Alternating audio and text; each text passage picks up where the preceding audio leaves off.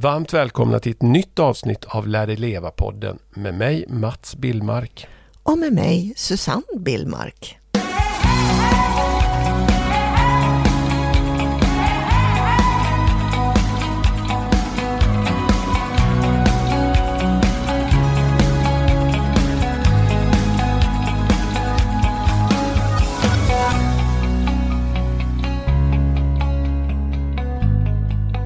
Äntligen är vi tillbaka. Ja, men det ska bli kul. Det var ett tag sedan. Mm. Jag ser verkligen fram emot ett nytt kul avsnitt. Ja, Eller det här blir nog spännande kanske. tror jag. Ja, Idag ska vi bland annat prata om eh, högkänslighet, Mats. Vi ska prata om vad det är för något och hur det känns att vara högkänslig. Du har ju alltid känt att, att du har varit extra känslig, men när du kände det så kanske man inte fanns något som hette högkänslig. Eller hur vill du beskriva det? ja men alltså jag har ju alltid varit en känslig person. Blyg och känslig och sådär Mm. från barndomen och försiktig och lite, lite rädd av mig. Men eh, sen fick jag se ett inlägg på Instagram för några månader sedan Mm. som handlade om högkänslighet. Mm. Och jag liksom kunde ju pricka för nästan alla kriterier för den. Och det var lite skönt kan jag tycka. För ibland så vet man inte. Både du och jag har ju gått igenom rätt tuffa utbrändheter. Mm. Eh, och det är klart att det finns mycket som stämmer med en utbrändhet också. Mm. Men eh, sen läste jag då att senaste forskningen säger att, att högkänslighet är medfött. Mm. Att det är något man föds med. Och jag har ju haft den här känsligheten sedan jag var, alltså jag har ju minne från jag var 5, 6, 7 år. Mm. Lekskolan, första, andra klass, Mm. hela min uppväxt. Att jag varit extremt känslig för allt möjligt. Men jag, ska, vi, jag tänker att vi avslöjar inte, Hur, jag börjar bli så Mm. här, hur, hur märkte du det när du var barn? ja men, extremt blyg, försiktig, rädd. Eh, rädd i många situationer. Eh, ja, Jag kan Äh. tänka mig också att du var inte den här killen liksom som tog till nävarna nej, eller? absolut inte. Nej. Även om jag var stor. Mm. Nej, men, men samtidigt så är jag lite dubbel då för att jag är väldigt snackig. Mm. Eh, och eh, det kan man ju också tycka att... Eh, men, men, nej, men vi låter lyssnarna göra testet. Mm. Så snackar vi och analyserar lite mer efteråt. Mm. Och då tänker jag att du drar hela testet. Det är 27 frågor Susanne. Mm. Ja, det var 27 frågor. Mm. Det är sju, 27 påståenden Ja, kan, kan man vi säga. säga. Och, eh, och då tycker jag att lyssnarna ska... Vi tar det rätt långsamt tempo. Mm. Tänk efter och sätt en kryss eller räkna på fingrarna hur många ja ni får på de påståendena. Mm. Så, så tar vi det efter det. Mm. Så man markerar på något sätt eller räknar när man känner att påståendet passar på en Ja. själv. Så då drar jag första påståendet här. Eller ska vi ta varannat så blir det liksom lite... Kan vi göra. Mhm, vi tar varannat påstående. Mm. Du börjar. Du blir lätt överväldigad av starka sinnesintryck. Du mä- lägger märke till det subtila på gränsen till omärkliga i min omgivning.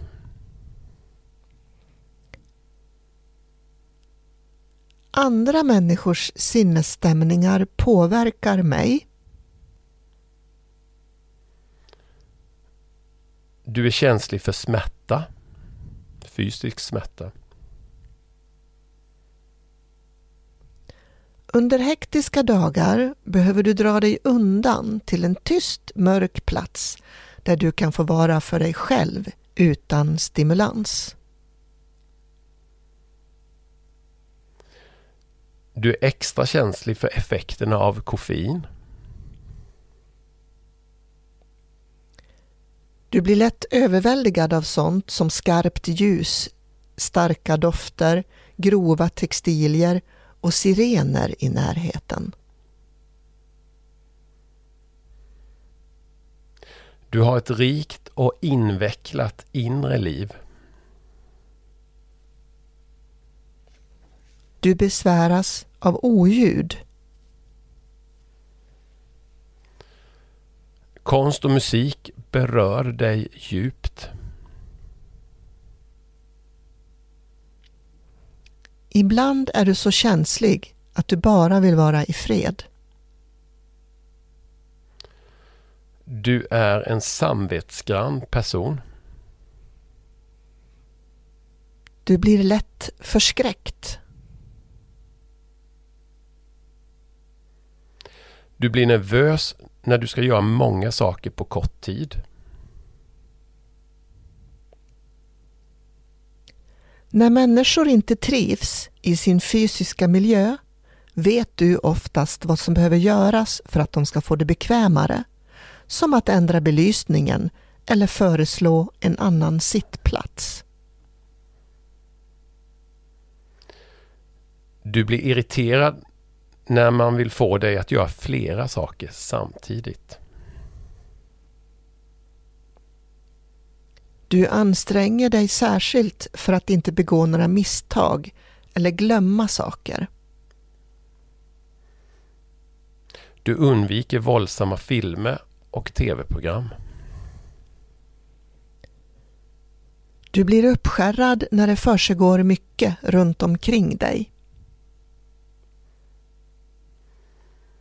Du reagerar starkt på hungerkänslor som påverkar ditt humör och din koncentrationsförmåga.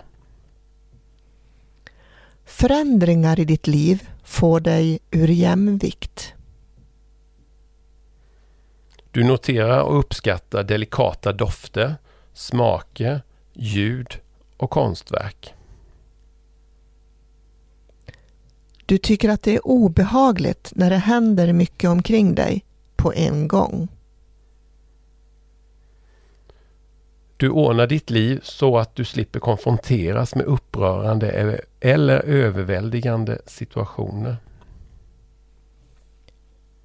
Du störs av intensiv stimulans som höga ljud eller kaos. När du är tvungen att tävla mot någon eller utföra en uppgift under iakttagande blir du så nervös och osäker att det går mycket sämre än vad det annars skulle ha gjort. När du var barn uppfattade dina föräldrar eller lärare dig som känslig eller blyg? Det var sista frågan och då skulle jag bara vilja, eller påståendet, då skulle jag bara vilja säga att det här är då taget ur boken Den högkänslige mannen. Och som stämmer, ex, det är viktigt att säga, det stämmer exakt lika mycket på, eh, på kvinnor, på kvinnor som, ja. som män. Mm. Och överhuvudtaget så, så eh, visar undersökningar att kvinnor är mer högkänsliga. Det är fler kvinnor som är högkänsliga än män. Mm. Men det kan jag också tro att det kanske är fler som, kvinnor som har lättare att erkänna det. Mm. Jag vet ja. inte hur de undersökningarna har gjorts men, men det som står i boken är att statistik visar att kvinnor är mer högkänsliga än män. Och Det mm. kan ju också vara att kvinnor har ju närmare, det vet vi ju biologiskt, till sin empati. Mm. Och som, också som... socialt har vi ju också fått lära oss att det är mer accepterat för oss att visa känslor. Absolut. Mm. Eh, jag tänker att eh, för jag har ju också gjort det här testet. Mm. Ska du berätta Eftersom många? jag inte är så jag är inte så um, självklart högkänslig. Nej. Men du sa ju att du har förmodligen haft din högkänslighet från du var liten. Ja. Och jag var ju också en blyg tjej, men som förändrades. Mm. Um, och jag tror att jag fick min högkänslighet som en följd av min utbrändhet. Mm. För när jag gjorde testet så fick jag 15 till 17, för jag har två påståenden som är lite osäkra beroende på hur situationen ser ut. Mm. 15 till 17 fick jag, vad fick du? Jag fick 19. Mm. Eh, och där är ju kriterien, så, så säger man om, om du, du är förmodligen, säger boken då, du är förmodligen högkänslig om du kryssat för 14 eller fler påståenden. Mm. Alltså ja till 14 eller fler påståenden. Mm. Eh, jag kan ju också Vi pratade om det innan vi började spela in det där att att i och med att vi är så pass lika och sen om följden är att jag har det med mig från födseln och du, dina är följden av en utbrändhet. Mm. Hade du svarat ja på fem påstående eller sju påstående och jag 19. Mm. Jag tror att en sån relation kan bli lite obalans i. Mm. Där den ene vill väldigt, väldigt, väldigt mycket och det ska hända saker hela tiden. Och, och man älskar fester och man älskar eh, liksom nya grejer hela tiden. Eh, Framförallt så får man ju svårt att förstå varandra. Ja. Och, och då man har, ja precis, förståelsen blir ju inte densamma om, om man är på helt olika plan. Nej. Eh, Men vad känner du igen dig mest utav de här eh, när du läser igenom det? Vad jag känner igen mig mest? Åh, jag känner igen mig i så många men ehm,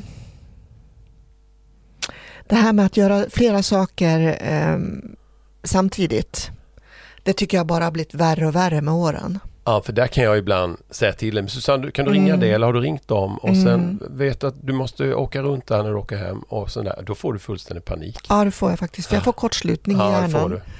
Jag får, eh, när jag får för många direktiv på en gång. Ja, ja, men jag tycker, jag tycker också det. Du har reagerat ännu starkare nu Mm. än vad du gjorde för några år sedan. Och jag vet inte om det kan ha med min eh, sockerdetox att göra, att jag plötsligt är mer känslig. Jag vet inte. Kanske. Vi ska ju Det prata ska vi lite. prata om någon lite senare. Mm. Mm. Jag känner ju också igen mig ehm, ehm, med det här med att jag är lätt berörd. Eh, både av konst, musik, film. Ehm, ja, men det känner jag att jag är.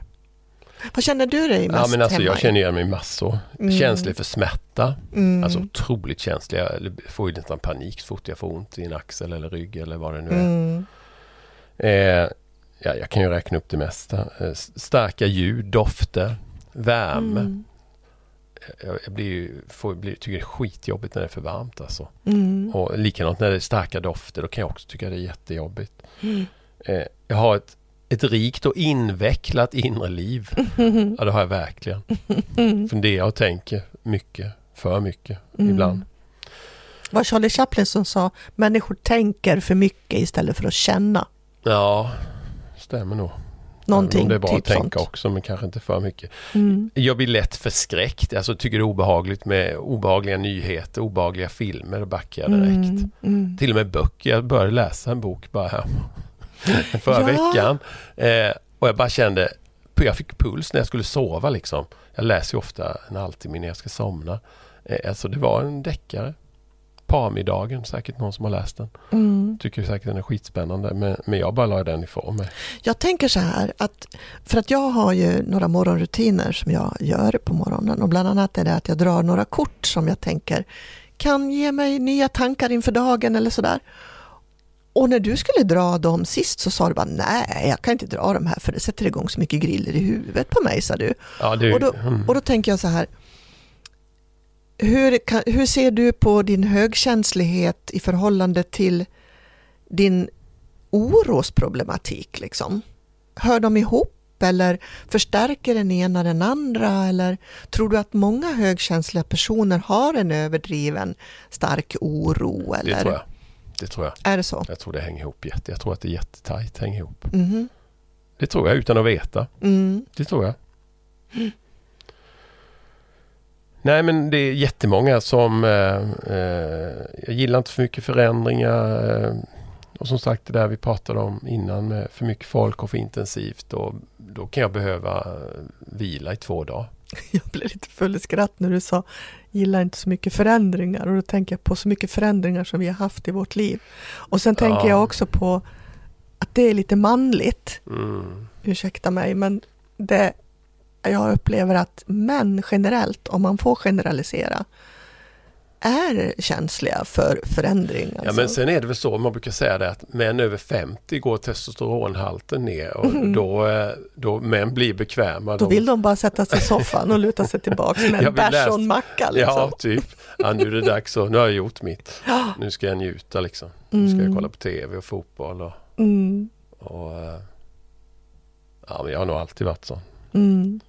Men jag är ju också, jag är ju också alltså jag gillar ju projekt alltså. Mm. Jag gillar ju verkligen, så det stämmer ju egentligen inte med mig. Nej, men då ju- styr du själv och det är väl skillnaden. Ja, jo visst, så är det nog. Nej men det är ett det är ett intressant test alltså. Det, Jag tänker så här nu, vad kan man göra åt det här och hur ska man förhålla sig till sin högkänslighet? jag tror att... Har du några pratar- tips? Om, som man tror jag att det är viktigt att se att det är styrka. Jag vet, jag vet att du, det finns något uttryck som, eh, nu kommer jag inte ihåg, jag vet vi har haft det på vår eh, Facebook-sida, den här att leva i nuet-sidan. Eh, känsliga män är det manligaste som finns eller någonting. Förstår du? Mm, mm. Det är lätt, det är lätt att tro att, eh, att, att liksom man är oattraktiv som man om man Mm. inte är man inte är framåt och på och stark och eh, tech, eller vad heter det, praktisk och, Mm, och liksom lite så. mm, Så har nog jo, jag alltid känt. mm. Att eh, fasen är det någon tjej som kan tycka att det är attraktivt att man har den känsligheten. Men det har ju du alltid varit noga och påpekat att du tycker det är fint. Ja, och vet du, ja, det har jag väl sagt till dig någon gång också. Jag är fascinerad över, för män vill ju bli omtyckta av kvinnor. Mm. Då är jag så fascinerad över hur jäkla svårt ska det vara att fatta hur man ska behöva vara som man för att kvinnor ska tycka om en. För det är ju inte svårt. Det handlar ju bara om att vara omtänksam och, och se sin partner liksom. Ja, uppmärksamma och Ja, bekräfta. uppmärksamma, bekräfta och se sin partner och, och vara, vara omtänksam. Jag tror framförallt Alltså med snällhet Mm. kommer man långt liksom. utan att vara mesig. Ja, För, för så, kan jag, så kan jag känna att visst, jag är jävligt snäll och jag är omtänksam. Men jag tycker inte att jag är mesig på något sätt. nej det tycker inte jag heller. Eh, Ja, kanske mot vår dotter tycker jag att jag kan jo, vara det. kanske är lite för mesig. Och lite för snäll. Ja. Eh, men, eh, nej, men jag tror att många unga killar har bilden. Idag är det ju ännu mer när man matas via sociala medier. Eh, just det där med att man ska se ut på ett visst sätt och man ska vara på ett visst sätt. Jag, jag tror att om du skulle fråga 100 18-20-åringar så Mm. skulle inte de tro att, att tjejer attraheras av eh, känslosamma, blyga killar. Nej. Det tror jag inte. Men sen så- såklart, Fast det beror nog på tror jag. ja. Men det är ju också därför Alltså, att... men unga killar har inte den bilden. Nej, unga men det killar. kanske också är för att vi tjejer matas av, av att en bra kille ska vara en tuff kille. Ja, Och att en, en, en, en bra man ska vara teknisk och ha hammaren i ena handen och, Mm. och, och liksom med Ja, men- vispen i den Men jag andra. tror att tjejer liksom. precis likadant för tjejer. Att de tror att vi killar attraheras av de här som, förstår du? Att det är mycket att, att de ska vara otroligt kvinnliga liksom och de ska Mm. vara, ha mycket smink och långt hår och liksom vara lite... Fast det gör ni också. Ja, jo men man gör... På samma sätt som vi är lurade är ju ni... Jo men man tycker nog, ja, om jag går till mig själv när jag var 20-25 Mm. så tycker jag nog att de var jävligt spännande. Mm. Tror jag lika väl som tjejer tycker de här tuffa grabbarna som går på gym och liksom är framåt. Och att, Mm. Men jag skulle ju aldrig vilja gifta mig med en tjej, förstår du, med, som har mycket yta och liksom, förstår du, det är Mm. mycket yta. Jag skulle aldrig vilja vara tillsa- tillsammans med henne, skulle jag aldrig hålla. Nej. Skulle- Jag skulle inte det minsta. Men man kan bli attraherad i den åldern, blir man ju attraherad av de tjejerna. Ja, jag förstår vad du menar. och det, det tror jag det är precis likadant med, med unga, unga tjejer och killar. Men jag tror inte Mm. det är inte de killarna de vill bilda familj med.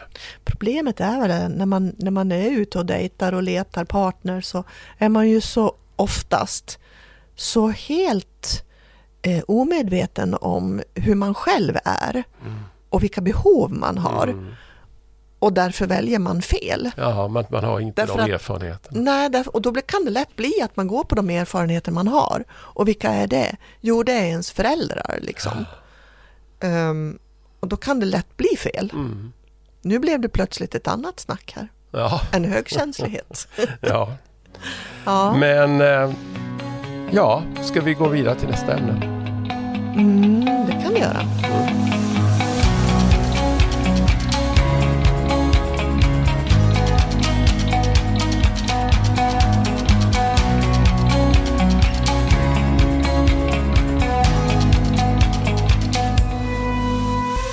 Förra avsnittet berättade du Susanne om att du har kommit på, eller kommit på, du, det har du vetat kanske länge, att du är sockerberoende. Och vi lovade att rapportera hur det går för dig på din resa, att minimera. För helt till 100% går det ju inte att utesluta socker för det finns ju precis i allting. Men... Eh, jo fast det går ju. Om man verkligen vill så ja, går det ju. För det är ju bara att utesluta de produkter som innehåller både mm. dolt och, eh, eh, och frukt till mm. exempel. För, ja. för det är ju mycket som innehåller socker. Sen, eh, sen handlar ju det här... Ja, Vi kanske ska bara först säga, mm. när var det du liksom, när började den här resan? Var det i oktober? Jag började den här eller? resan 24 augusti. Jaha, är det så länge sedan? Mm, ja, det, är det faktiskt. Och då kan jag också säga, du ska få snacka nu, men jag började ju också. Fast mm. inte alls lika, lika mycket som dig. Mm. Men jag har ju tagit bort bröd och jag har tagit bort alla kakor, godis, chips, mm. läsk. Drack jag inte inget innan heller. Men, och det eh, gjorde ju du för att du märkte att du blev ju mycket mindre orolig. Ja, men det blev jag. Jag blev lugnare och jag, blev, mm. och jag fick inte alls de blodsockerfallen eh, som jag haft innan. Nej. Som har åkt upp och ner hela tiden. Det mm. ligger på en mycket jämnare och skönare nivå. Ja. Ja men berätta, du får berätta. Mitt humör har ju också lagt sig på en mycket jämnare nivå. Så vet inte jag om det också har lite med meditationen att göra som jag har kommit igång med mer regelbundet. Men eh, spelar egentligen ingen roll vad det är. Huvudsaken är att det är något bra som händer. Och eh, Sockerberoende är ju omtvistat eftersom det finns de som vill påstå att man inte kan bli beroende av socker och kolhydrater framförallt snabba kolhydrater. Eh, och då kan de väl få tycka det, att det är så. Vi som känner det här, vi känner ju det vi känner. Och vi går ju runt som levande bevis på att vi känner igen oss i alla kriterier som sätts upp och som definierar ett beroende. Mm. Så nog sagt om det så får man ju tycka vad man tycker. Mm. Men eh, ja. Vad är dina liksom starkaste, vad är skillnaden känner du liksom de mest påtagliga skillnaderna nu och för typ sex månader sedan? Ja, att jag känner mig lugnare. Ja, du är ju trevligare, det måste jag ju säga. Ja. ja, men det är du faktiskt. Du har inte alls den korta stubinen. Nej. Eh, och, nej, men jag, jag, tycker det är stor skillnad. Och jag tyckte ändå att jag hade arbetat bort ganska mycket ja, av mitt, det här ja, men det har du. Eh, snabba stubinen. Som, Visst. Men, men, men nu men, känner jag mig mer lugn på ett annat sätt. Genuint trevligare är det, det måste jag säga. Mm. Det, du är rolig att vara tillsammans med. Trevlig ja, att vara tillsammans med. jag känner mig lugnare och jag tycker generellt att matlagningen går lättare. Därför att innan så var sortimentet så stort. Mm. Så att det var svårt att veta vad jag skulle laga. Jag var också för ambitiös, liksom, att maten skulle handla om så mycket. Eh, nu har jag börjat landa i mer att maten är näring mm. och att inte bygga upp så mycket sociala tankar och mysfaktorer i mat. Eh, Just det där med fira också. Det är ju så här, mm. åh nu har vi slitit en vecka, nu måste vi få unna oss. Eller... Nu ska vi fira, fram med champagnen eller bubblet eller ja, kakorna, eller... tårtorna eller vad det nu är för någonting. Istället kan man ju, man kan ju fira på så många sätt. Ja men just det där också man hör, ja men gud, klar, hur, hur står ni ut med det? Man, när man har jobbat en vecka, man är ju värd liksom, man, man är värd socker eller man mm. är värd eh, alkohol eller... Jag får ju höra många gånger att um, människor säger, ska man inte få unna sig någonting nu? Och då tänker jag, om det är sockret och spannmålet, mjölet, de snabba kolhydraterna som gör att man tycker att man unnar sig någonting, då kanske man ska fundera över vad det är man prioriterar i sitt liv, känner jag. Eh, för det här med att göra sig av med socker och spannmål och produkter och snabba kolhydrater det är ehm, det är så mycket mer ehm, än bara utesluta en viss mängd mat.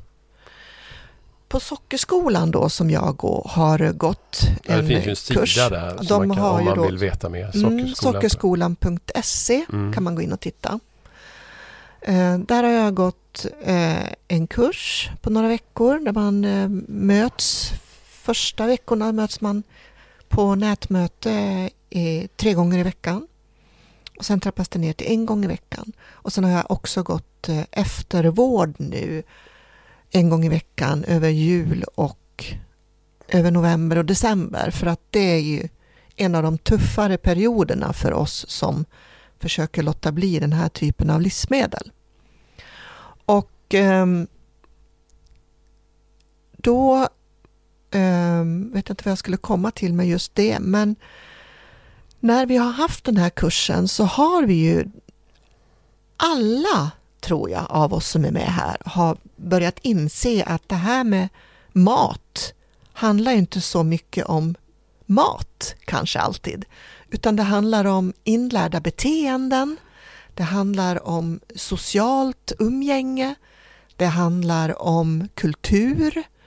Ehm, och egentligen handlar maten om väldigt mycket mer än bara maten. Mm. Och det är där jag försöker nu att hantera maten så att det blir mer näring. Och det blir ju också ett sätt för mig att äta bättre. För att det är ju därför man äter. Mm. För att man ska få i sig det man behöver. Och när jag vill, när jag vill tänka som att åh, nu ska vi bjuda hem den eller den eller den på middag. Eller om vi blir bortbjudna. Då blir det svårt för mig för att jag behöver veta lite grann vad ska vi äta. Eller jag behöver veta att de som ska bjuda på middag kanske tänker lite på mig eller att det finns alternativ. Eller så kan jag erbjuda mig att ta med egen mat. Men jag tycker, de har, jag tycker de har väldigt... Vi ska på till, faktiskt två middagar. Ja, Både de i flesta har en väldigt stor förståelse Mm, för väldigt. Sen kan jag för- känna också att... Eller var du mitt i något? Ja, men för att fråga liksom, vad kan vi bjuda på och sådär. Och det känns jättefint tycker jag. Det... Sen är det egentligen inte så svårt. Nej, För då tänker jag så här. Eh, jag kan äta allt som är animaliskt. Jag kan äta alla grönsaker. Och sen skulle jag vilja också säga det att för den som har ett sånt här beroende så, så känner att de har det så är det så att det är också väldigt individuellt vad vi kan äta och inte äta, vi som är sockerberoende. Så man får känna sig fram lite. Och jag har ju upptäckt att jag fixar att äta potatis till exempel. Och jag äter också morötter. Jag tar en frukt då och då. Men man behöver, man behöver känna sig fram lite. Och maten är, behöver inte vara så krånglig när man vet att jag kan äta grönsaker och jag kan äta allt animaliskt. Jag kan till exempel äta allt som är laktosfritt. Jag kan äta mejeriprodukter och så. men ja, Det, viktig, ja, det viktigaste bara är, känner jag, när man, när man är sockerberoende eller om man tror att man är det. Eller känslig man- överhuvudtaget. Ja, eller känslig för något, för mat eller om man känner att man kanske överäter någonting. Man känner att man kanske underäter någonting. Eh, det kanske är så att man går i skåpen på kvällarna och drar och sliter för man är sugen på någonting. Om man har de här beteendena så kan det vara fint att titta på sin kost. Och då skulle jag vilja säga vad det handlar om är vilka beteenden, vilka olika typer av livsmedel, vilka situationer är det som triggar det här beteendet. Och det är det man behöver utforska med sig själv då. Men det, vi pratade om plus vad som är positivt. Jag vet att du inte prat, gillar att prata om det men du har ju faktiskt gått ner nästan 10 kilo på köpet. Mm. Utan att, att göra någonting. Mer än att Ja. äta det jag säger jag ska Ja. äta. Mm. Och då, och då ska jag ju också tillägga att då har jag ätit eh, ganska mycket fett. Ja. Jag unnar mig ganska mycket ost för att det tycker jag är gott. Eh, Det är viktigt för mig bara att känna att jag inte överäter osten. Mm. Jag äter mycket nötter och frön och, och Ja, ju bär också, får man äta. Man kan äta till exempel ju massa hallon och blåbär och jordgubbar är okej. alltså det handlar ju mycket om vanor. För att jag kan ju Ja. tycka att det var tufft i början. Eh, jag tror att jag kanske nämner det för avsnitt. Jag har ju använt socker när jag ska göra något tråkigt, ska jag diska Mm. eller ska jag dammsuga, då behöver jag en choklad, halv chokladkaka. Det låter inte klokt. Det är Men- din känslighet som gör att Ja, du ja, men jag går får igång. effekt av det. Ja men så är det ju. Du kan ju sitta, vi kunde ju sitta en kväll och så säger du klockan är halv elva och säger nej jag går nog och lägger mig säger jag. Åh det är en så bra film, ska vi inte se den? Då har jag kunnat säga, ja men jag går och tar fem godisbitar eller Mm. eh, fem rutor choklad. Och sen blir jag ju liksom pigg. Mm. Eh, ja men det är verkligen min känslighet. Mm. Så jag har använt socker till, till när jag ska göra något trist. Om Mm. jag liksom är trött och ska träna och känner att jag känner inte för att träna. Ja då tar jag fem, sex lösgodisbitar. Mm. På tal om lösgodis, det är ju också intressant att när vi träffades så, så hade jag en godisbutik. Mm. Det var inte så lämpligt. Var det inte Det någon som sa så det lämpligt. i, i sockerkursen där? När du berättade att du Jo. slutade ju röka där. Jo, sen- men det, det, det ingick ju i, i analysen. När man går in i det här så får man ju svara på massor med frågor. Mm. Och sen görs ju en analys om man är beroende eller inte. Eh, såklart. Och den här eh, analysen den är ju utformad då av WHO, Världshälsoorganisationen, för att ta reda på om en person har ett beroende, oavsett vilket beroende det är. Och då kom hon fram till det här då, som har gjort analysen, då, den beroendeterapeuten, att jag eh, hade kanske ett beroende innan eh, jag träffade dig. Eh, som, som var, jag dolde på något sätt med, genom att träna, röka, Mm. alkohol och så vidare. Kanske jag hade ett sockerberoende där som dövades med alkohol. Men du, du slutade ju röka när vi träffades för jag tycker det är så Mm. vidrigt med... Jag hade ju hållit på Ja, och trappat ner Mm, du när vi träffades. jättemycket, så Men jag då, tog kanske två cigaretter och om då dagen. började du käka mer godis. Ja, Då och då var det någon på jag. sockerkursen som sa kunde du inte träffat en järnhandlare istället, istället för godishandlare. Ja. Men jag ska bara dra det där, jag tänker på godisbutik och godis i och med att jag har varit väldigt mycket godisrotta innan. Nu Mm. äter jag har inte ätit en Det godis. erkänner du först nu. Ja men det är visst, men så är det ju. Mm. Ja, Men jag ju framförallt levt på mitt godis för att liksom göra tråkiga saker. Eller, få eller kicksökande kan jag säga. Mm. Men jag gjorde ju en grej. Man kanske tycker det är lite äckligt men då får man ta det. Jag gjorde en grej för några år sedan men det borde jag ju slutat med, med lösgodis. Spoilervarning för de som är lite Ja. lätt för att bli äcklade. Nej men jag, jag satt eh, när vi, det här är ju ett antal år sedan. Jag vet jag satt, jag tror inte, jag vet inte om du var hemma. Jag satt på mitt kontor och så skulle jag jobba sent. Det var någonting jag var tvungen att slutföra så klockan var typ 6-7 på kvällen. Jag visste jag hade tre timmars jobb framför mig. Då gick jag och köpte typ ja, ett halvt kilo lösgodis. Mycket skum, mycket gelégodis som jag tycker är skitgott. Eller tyckte var skitgott.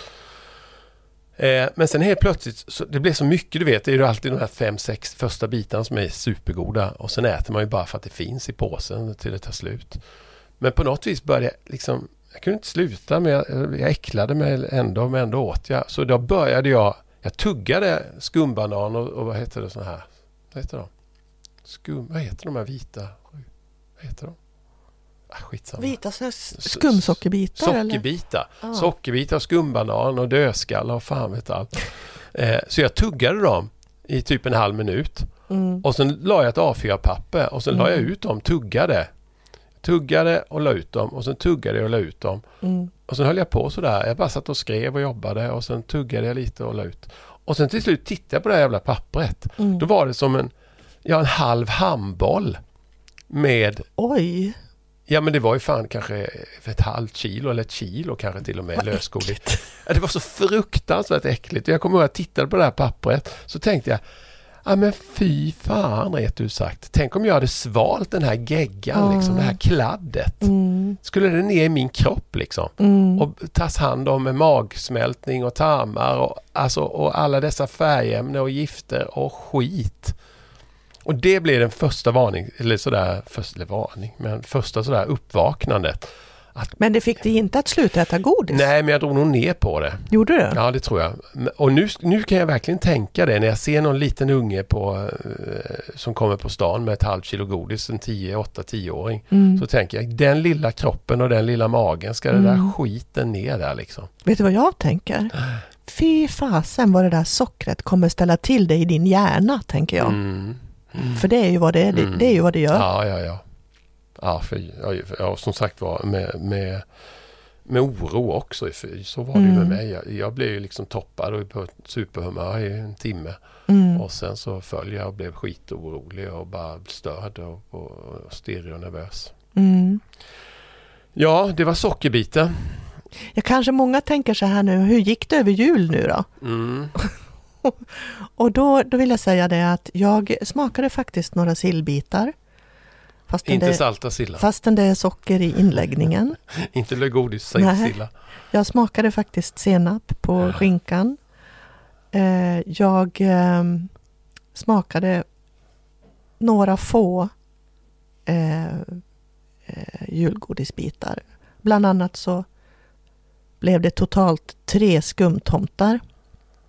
Och det som förvånar mig när jag smakar något sådär som jag inte har ätit på länge det är att jag att det inte är så gott som jag inbillar mig. Och det är jävligt sött. Eh, Jättesött är det, är det ju nu när man har kommit ifrån det. Det är, Mm. det är nästan parfymlikt alltså. Ja. Jag fick ju, när vi var på det 50-årskalaset nu, Mm. Så hade de Budapesttårta, det är absolut bästa jag vet. och då satt vi med 50-åringens bord och då sa jag det innan så hon kom med, med hon kom till mig, nu, nu unnar du det här liksom. Nu tar du det, nu, nu ska du tycka du ska, nu är det kalas liksom. Mm. Jag åt faktiskt halva den, Mm. men jag tyckte inte ens det var speciellt gott. Alltså. Nej.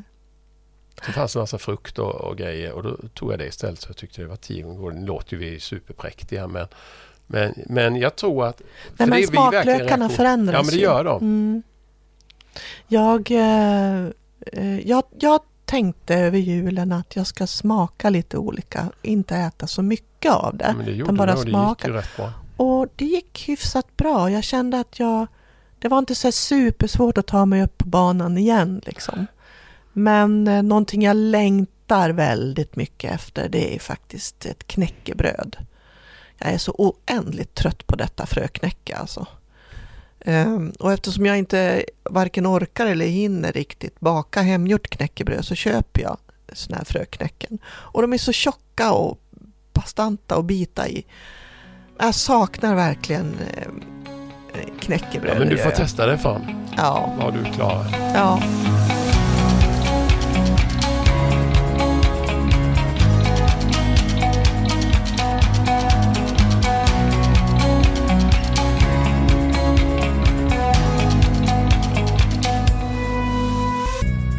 Ja Susanne, ska du berätta lite vad du har på gång närmsta tiden?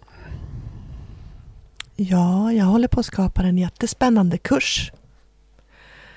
Jag eh, har ju läst, eftersom det här sockerskolan eh, har ju lett mig in. Jag har ju alltid varit intresserad av hur hjärnan funkar faktiskt. Speciellt i förhållande till det här med kreativitet har jag ju läst mycket om. Men nu har jag blivit lite mer intresserad av hur funkar hjärnan, hur funkar hjärnan rent generellt sådär. Och då skickade jag ju efter två böcker, så jag har läst den här boken som heter Min stroke med Jill Bolt eh, Taylor. Där hon, det är en hjärnforskare som får en stroke i sin vänstra hjärnhalva. Och eh, det är jättespännande. Men sen så kom hon ut med en annan mycket mer spännande bok eh, förra året faktiskt, 2022. Som eh, handlar om hur hon beskriver sin rehabilitering och där har jag eh, hittat mycket spännande godbitar som jag tänkte vi skulle prata om nästa gång kanske. Ja, men, Och min kurs ska också handla mycket om det här med hur vi utnyttjar vår hjärna mer potentialt. men jag tänker mer vad du ska göra. Vi har ju, jag tänker inte yrkesmässigt. Jag tänker mer att vi ska ju, på tal om att jag inte, på tal om att inte jag gillar förändringar så ska vi ju flytta.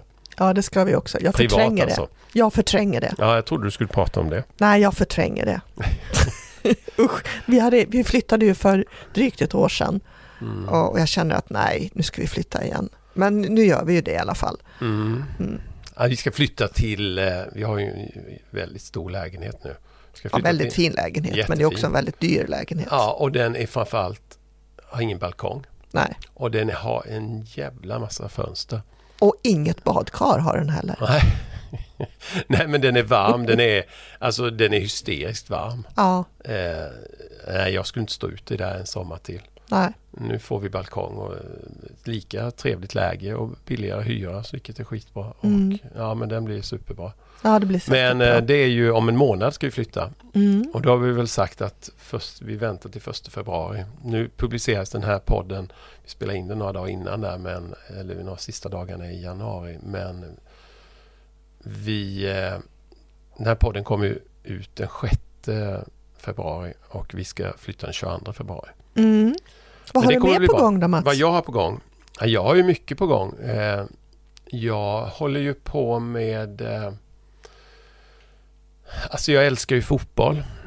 Jag verkligen, eh, vi pratade om det häromdagen. Jag, liksom jag har ju varit sådär allätare av idrott. Jag har ju älskat allt. När jag var mindre så jag kunde sitta i tre timmar och titta på curling. Liksom, liksom, eller dart. Jag var helt galen. Men nu, nu är det bara fotboll alltså. Jag Mm. blir mer och mer galen i fotboll. Mm. Älskar att titta på fotboll. Så jag ska faktiskt starta en fotbollspodd. Mm. Jag vill inte säga namnet än för det är hemligt än. Men det är en, fotbolls, en nationell fotbollspodd om allsvenskan. Mm. ser jag otroligt mycket fram emot. Mm. Som jag ska börja med i april. Så det håller jag på att planera för fullt. Eh, sen håller jag också, jag håller ju också på och skriver på en föreläsning som ska premiera till hösten. Som handlar om hjärnan också. Och vi ska ju Mm. prata mer om hjärnan som, och vilket är ett otroligt spännande ämne. Så det kommer bli Mm. ett jäkligt spännande avsnitt nästa gång. Men eh, ja, jag tänker så här att eh, eftersom man inte riktigt sådär regelbundenhet kommer med våra avsnitt, vilket är vår förhoppning, men det har vi inte gjort nu och nu är vi mitt uppe i en flytt. Så enklast och bästa sättet att hålla koll på när det kommer ett nytt avsnitt av Lär dig leva-podden är att prenumerera på podden. Det finns en knapp man kan trycka på så får man ett meddelande när det kommer ett nytt avsnitt. Mm. Och. Maila oss gärna tips och idéer vad ni vill att vi pratar om. Och då gör ni det enklast till lardejleva gmail.com Alltså lardejleva gmail.com Ja Mm. men då tackar vi för idag. Tack för att ni har lyssnat. Ha det så gott så länge och tänk på vad ni gör med er hjärna. Ja, så hörs vi igen snart. Ja. Må så gott. Hej då. Hej då!